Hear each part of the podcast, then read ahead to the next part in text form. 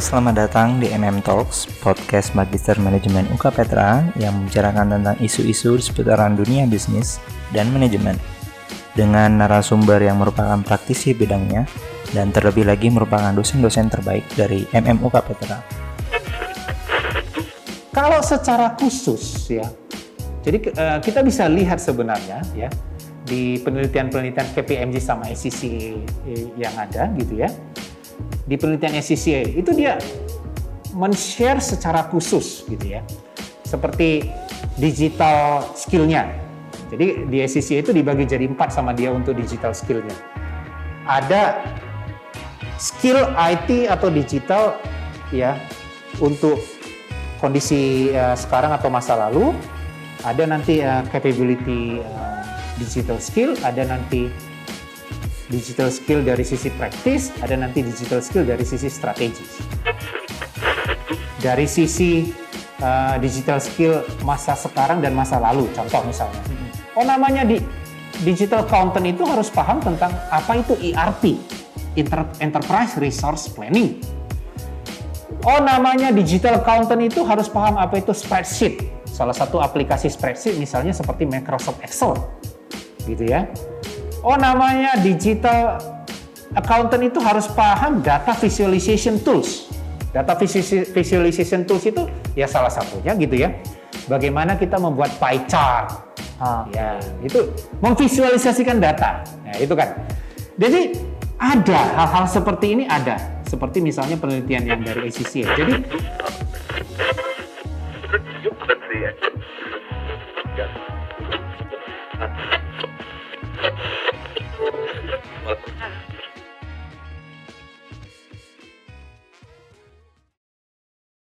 Ada satu pertanyaan yang cukup menarik sih Pak. Di awal sebelum dunia uh, sebelum adanya digitalisasi, uh, kita sebagai accountant itu ketika lulus kuliah atau misalnya kita selesai uh, melakukan studi berangkat dari level deskriptif, misalnya kita, kita keluar. Setelah Benar. kita lama di uh, organisasi, baru kita mungkin mulai mengerti oh ternyata harus meningkatkan level ini, level ini. Nah, kira-kira nih uh, apa sih yang bisa dilakukan oleh seorang accountant ketika mereka uh, mungkin selesai menyelesaikan studi atau mereka masih studi juga sekarang agar bisa menjadi seorang digital accountant apa saja yang perlu uh, saya lakukan sebagai accountant agar saya bisa memenuhi tuntutan uh, dunia digitalisasi itu seperti itu.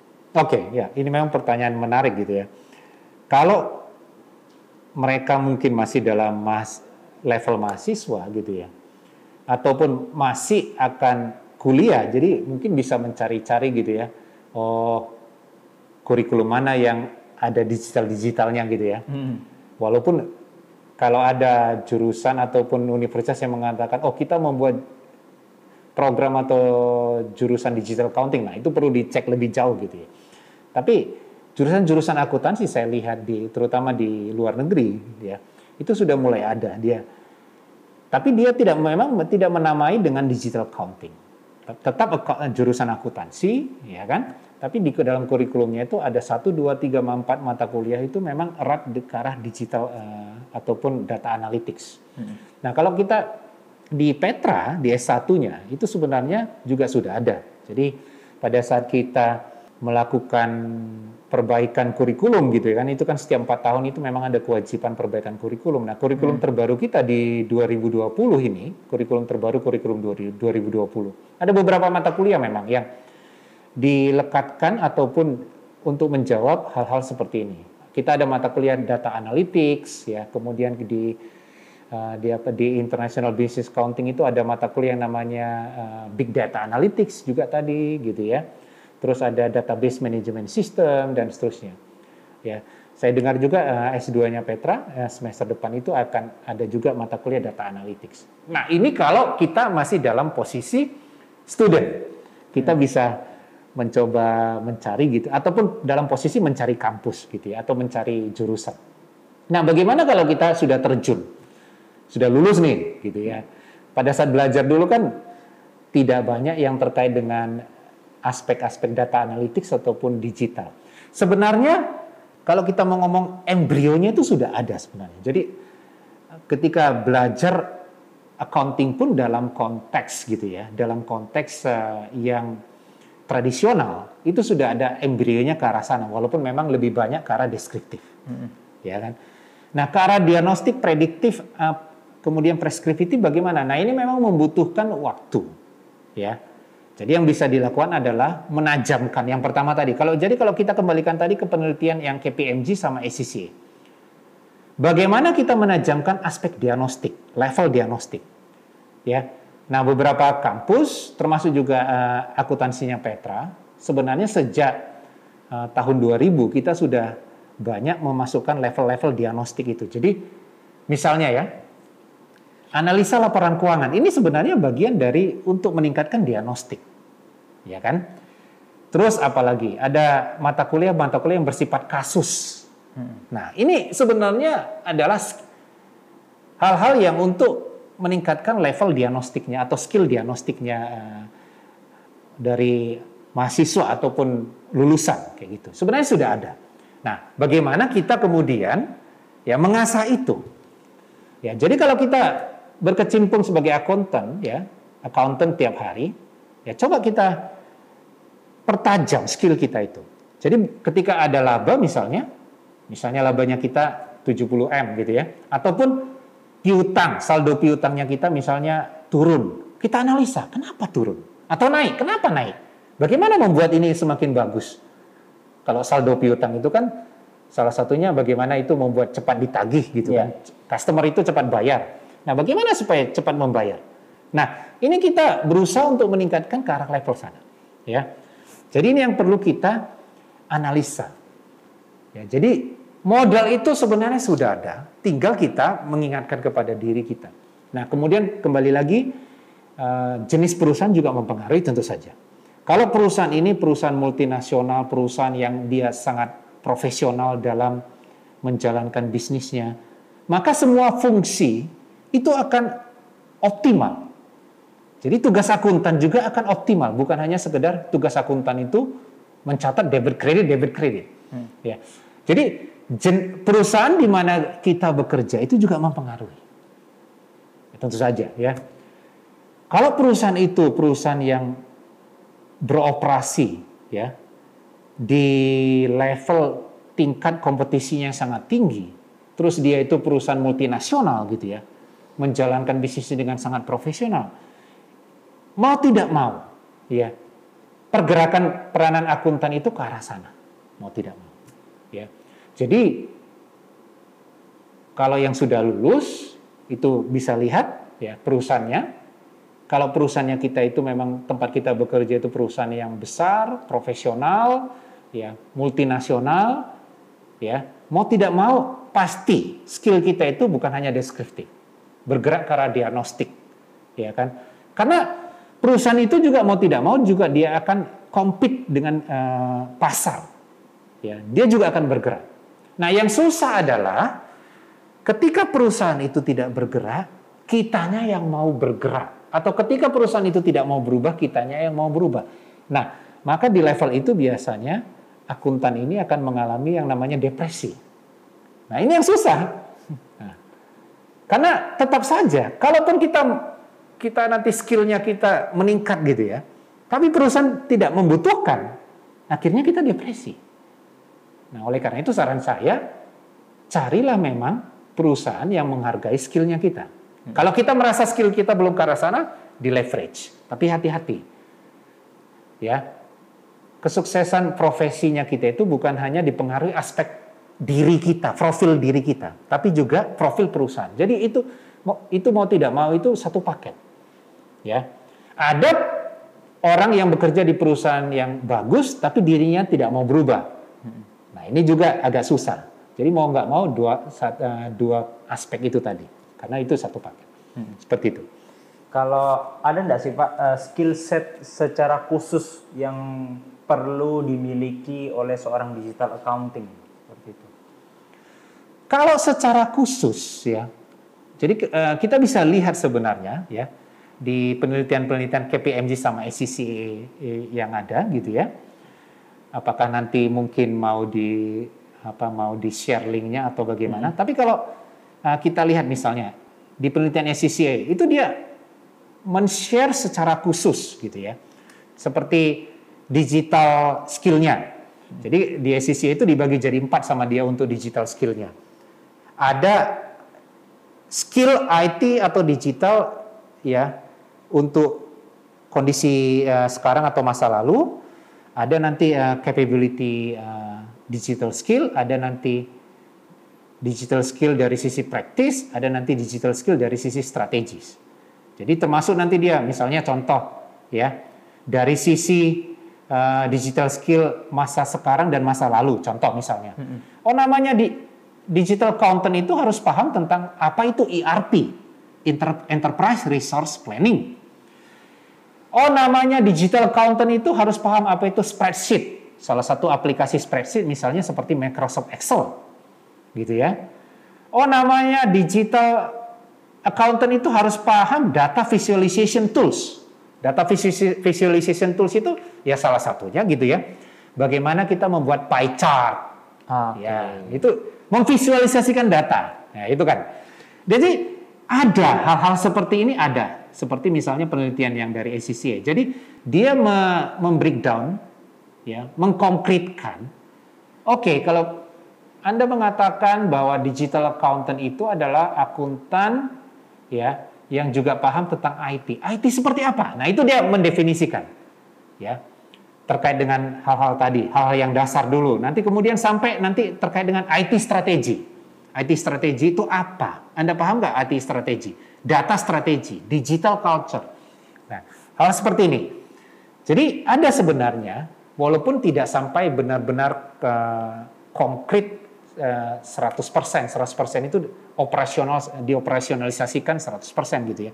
Tapi ini yang saya lihat di datanya SCCA ataupun KPMG itu sudah cukup lengkap ya sebenarnya ya. Nanti mungkin bisa uh, di-share uh, okay. linknya gitu ya untuk pembaca ataupun pendengar bisa lebih jauh melihat uh-huh. itu.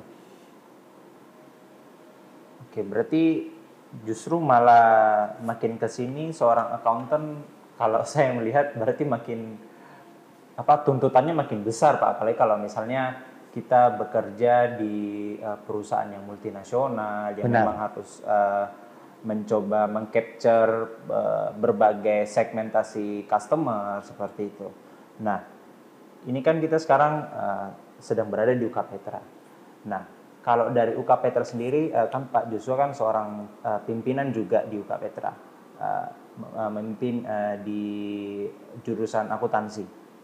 Uh, nah, kira-kira apa sih yang bisa dilakukan oleh Petra untuk bisa menciptakan seorang digital leader, eh digital uh, accountant uh, yang bisa uh, bersaing, yang punya uh, skill set digital, yang bisa uh, menjawab tantangan-tantangan yang sudah Pak Joshua jelaskan tadi. Ya, jadi memang untuk mengcreate gitu ya ataupun menciptakan gitu ya lulusan seperti yang kita inginkan ada arah digital atau muatan digital itu memang kan kita melakukannya lewat kurikulum ya jadi seperti hmm. yang saya katakan tadi juga pertama di level universitas itu juga uh, visi digital leaders itu sudah ada oke okay. ya jadi kalau kita lihat juga di mata kuliah uh, DMU atau general course ya mata kuliah DMU itu ada namanya mata kuliah digital leaders gitu ya. Kemudian uh, di jurusan itu kita juga sudah ada seperti yang saya katakan jurusan akuntansi ada kita punya mata kuliah data analytics ya. Data analytics, terus uh, big data ya. Itu juga sudah ada. Terus database management system ya, accounting information system. Jadi memang kita sudah ada mata kuliah-mata kuliah juga yang ke arah sana. Ya.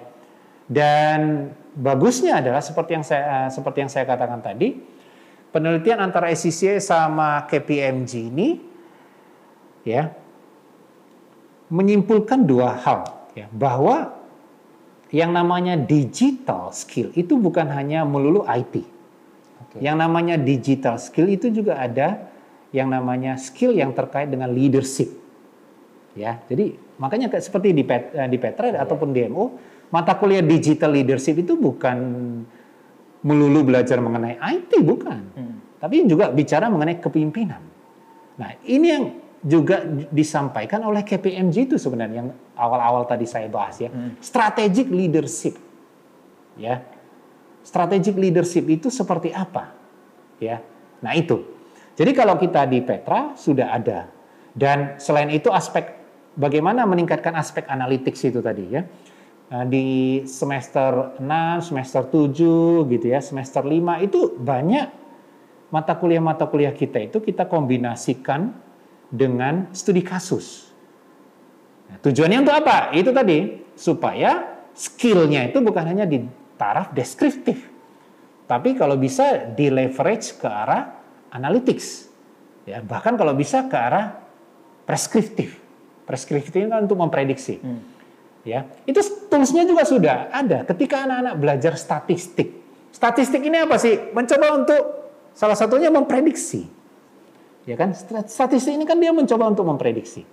Ya, makanya kemudian ada berbagai metodenya kan untuk memprediksi itu dan seterusnya. Ya, lima tahun lagi berdasarkan data masa masa lalu dan seterusnya. Dan era sekarang mau tidak mau memang arahnya ke sana. Ya, kalau kita lihat tren yang terjadi juga seperti itu ya. Selama kurang lebih memang kurang lebih uh, dua atau tiga tahun terakhir ini gitu itu sangat luar biasa gencar ya. Gelombangnya itu ke arah digital sangat gencar. Apalagi pandemik datang. Itu semakin membuat gelombang digital ini semakin luar biasa. Ya kalau kita lihat bukan hanya counting kan? Ya. kita lihat terjadi di bisnis. Dan yang menarik adalah kurang lebih 4-5 bulan lalu itu saya ada mengikuti sebuah conference gitu ya, sebuah seminar by online. Salah satu pembicaranya itu adalah bos dari uh, eh, PwC Indonesia. Ya, PwC itu tadi salah satu Big Four ya, uh, empat kantor akuntan yang terbesar di dunia, PwC. Dan menariknya ketika dia men-sharekan bagaimana auditor bekerja di era pandemik. Jadi bayangkan ya, terutama pada saat masa PSBB gitu ya, auditor ini tidak bisa ke mana-mana. Dan ternyata mereka mengatakan mereka hanya masuk kantor atau visit kliennya dia itu hanya sekitar 30 persenan, 40 persen. Sisanya itu dari rumah. Jadi bayangkan ya, zaman dulu auditor itu dikenal mau tidak mau harus mengunjungi klien hmm. perusahaan. Melakukan salah satunya yang paling terkenal itu apa? Stok 6. Oh iya. Stok audit gitu kan. Oh, berapa persediaanmu, berapa inventory. Nah ini bagaimana melakukan online? Kan nggak mungkin gitu kan dan seterusnya. Tapi kembali lagi, ya manusia itu ketika diperhadapkan pada sebuah kondisi ketika tidak ada pilihan, maka manusia itu bisa dia melakukan evolusi, adapt. Ya, walaupun kita mengatakan oh evolusi itu mungkin sebuah jargonnya atau istilah yang terlalu apalah untuk kondisi sekarang gitu ya. Adapt gitu ya, beradaptasi bisa dia. Jadi itu yang terjadi. Memang arahnya sudah ke arah sana. Suka atau tidak suka, mau tidak mau, akuntan itu bukan berubah total 100% bukan. Bukan akuntan yang dulu kerjanya menyajikan informasi sekarang kerjanya sesuatu yang berbeda at all gitu ya enggak. Itu tadi ya. Di leverage dari sisi deskriptif ke arah ya diagnostik ya kan ke arah kemudian prediktif ya dan seterusnya. Ya. Arahnya ke sana. Berarti uh, boleh saya simpulkan bahwa sebenarnya digital accountant ini uh, bukan merupakan perubahan dari uh, accounting apa accountant tradisional yang sebelumnya, tapi malah justru uh, era digital ini uh, mendisrupsi sehingga uh, account apa accountant tradisional ini di leverage. Jadi skill yes. setnya itu lebih ditingkatkan. Jadi memang seorang digital accountant ya tetap bisa melakukan uh, sesuatu uh, accountant tradisional tadi yang dari sisi deskriptif seperti itu. Tapi karena adanya digitalisasi malah mereka uh, di leverage uh, dengan skill set yang lebih jauh yang lebih beda sehingga bisa melakukan hal-hal uh, yang lebih jauh lebih uh, kompleks sehingga bisa sampai ke apa preskriptif tadi ya pak ya. Benar.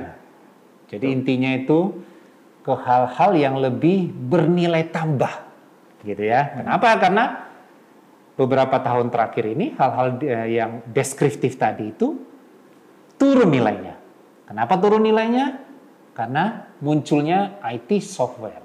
Tapi bukan berarti pekerjaan akuntan itu berubah total, bukan. Cara the ways gitu ya, cara akuntan menyajikan informasi ya kemudian data atau informasi apa yang disajikan nah itulah yang uh, berubah gitu oke berarti seorang digital accountant ini malah justru sekarang ini menggunakan teknologi itu untuk menciptakan lingkungan yang lebih terintegrasi di mana dapat dibagikan antar uh, aplikasi antar uh, aplikasi yang digunakan di organisasi uh, antar divisi seperti itu sehingga bisa membuat uh, suatu prediktif atau preskriptif yang bisa uh, digunakan oleh CEO untuk mengambil keputusan kira-kira 10 tahun ke depan lagi seperti apa. Benar.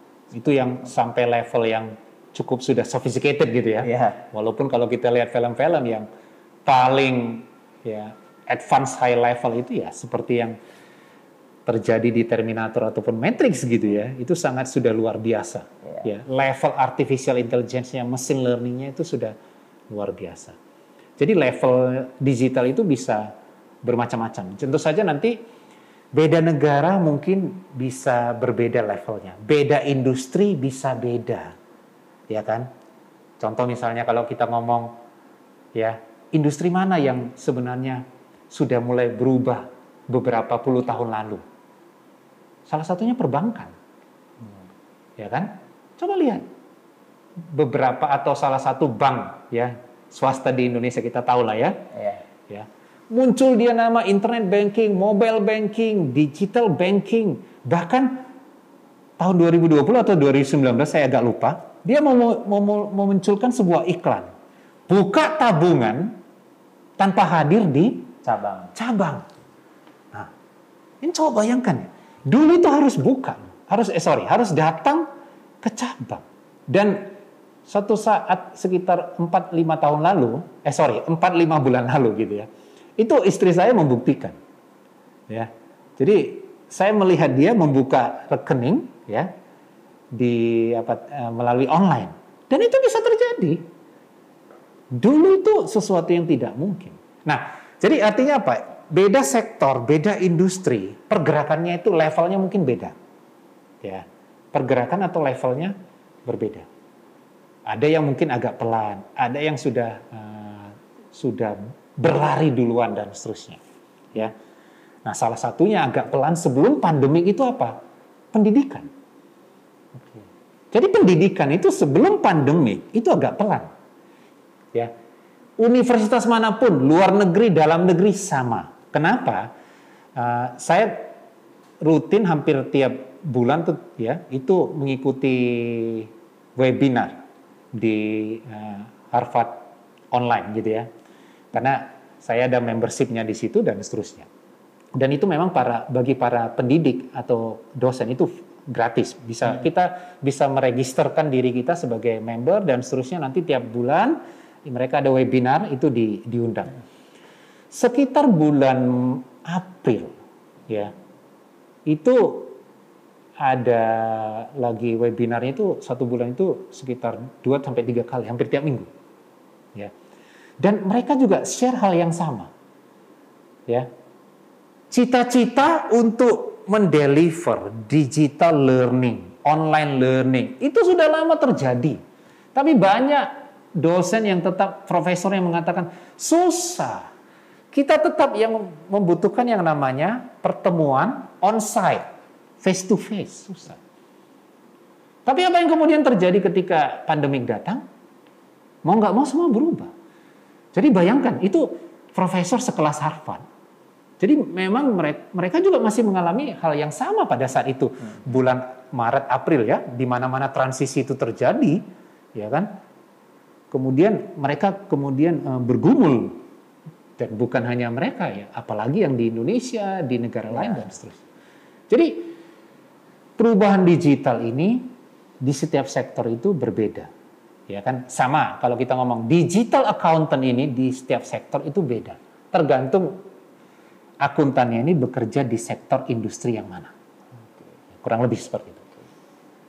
Jadi hari ini saya sendiri pribadi jadi belajar lebih banyak karena memang sebenarnya uh, masalah akuntansi ini yang saya ketahui ya memang uh, hanya sebatas pencatatan. Benar. Terus bagaimana?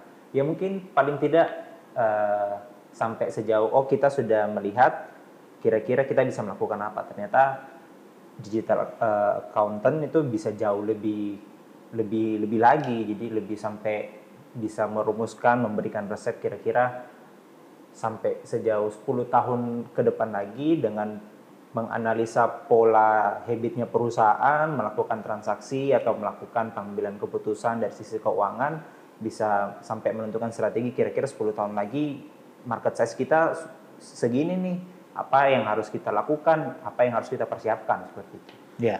Jadi sangat uh, di leverage sekali ya uh, apa dunia accounting ini dengan adanya digital. Benar. Terima kasih Pak Yusua hari ini uh, sudah mau sharing-sharing ke kita di MM Talks kali ini. Uh, jadi kita jadi jauh lebih banyak tentang dunia digital yang mungkin sebelumnya dunia accounting hanya dipandang sebelah mata bahkan banyak orang yang bilang ah accounting habis ini hilang nih orang-orangnya bakal hilang yeah. dengan sama software. Ternyata tidak seperti itu, malah iya. justru yeah. uh, seorang accounting accountant ini di leverage jadi sesuatu yang uh, orang yang lebih powerful sebenarnya malah menjadi orang yang lebih penting di di suatu organisasi karena mereka menjadi jembatan antar divisi. Benar. Gitu. Kalau bu, ada yang mau ditambahkan? Iya, kalau boleh yang saya sampaikan, ini sebenarnya jadi perkataan-perkataan yang mengatakan ya uh, the end of accounting division, the end of the accountant gitu ya. Itu kurang lebih sama sebenarnya sudah terjadi beberapa puluh tahun lalu. Contoh ya, dari data saya tahun 95 ya. Hmm. Itu Jeremy Rifkin menulis sebuah buku The End of Work. Jadi berakhirnya kerja, labor, the end of work ya. Hmm.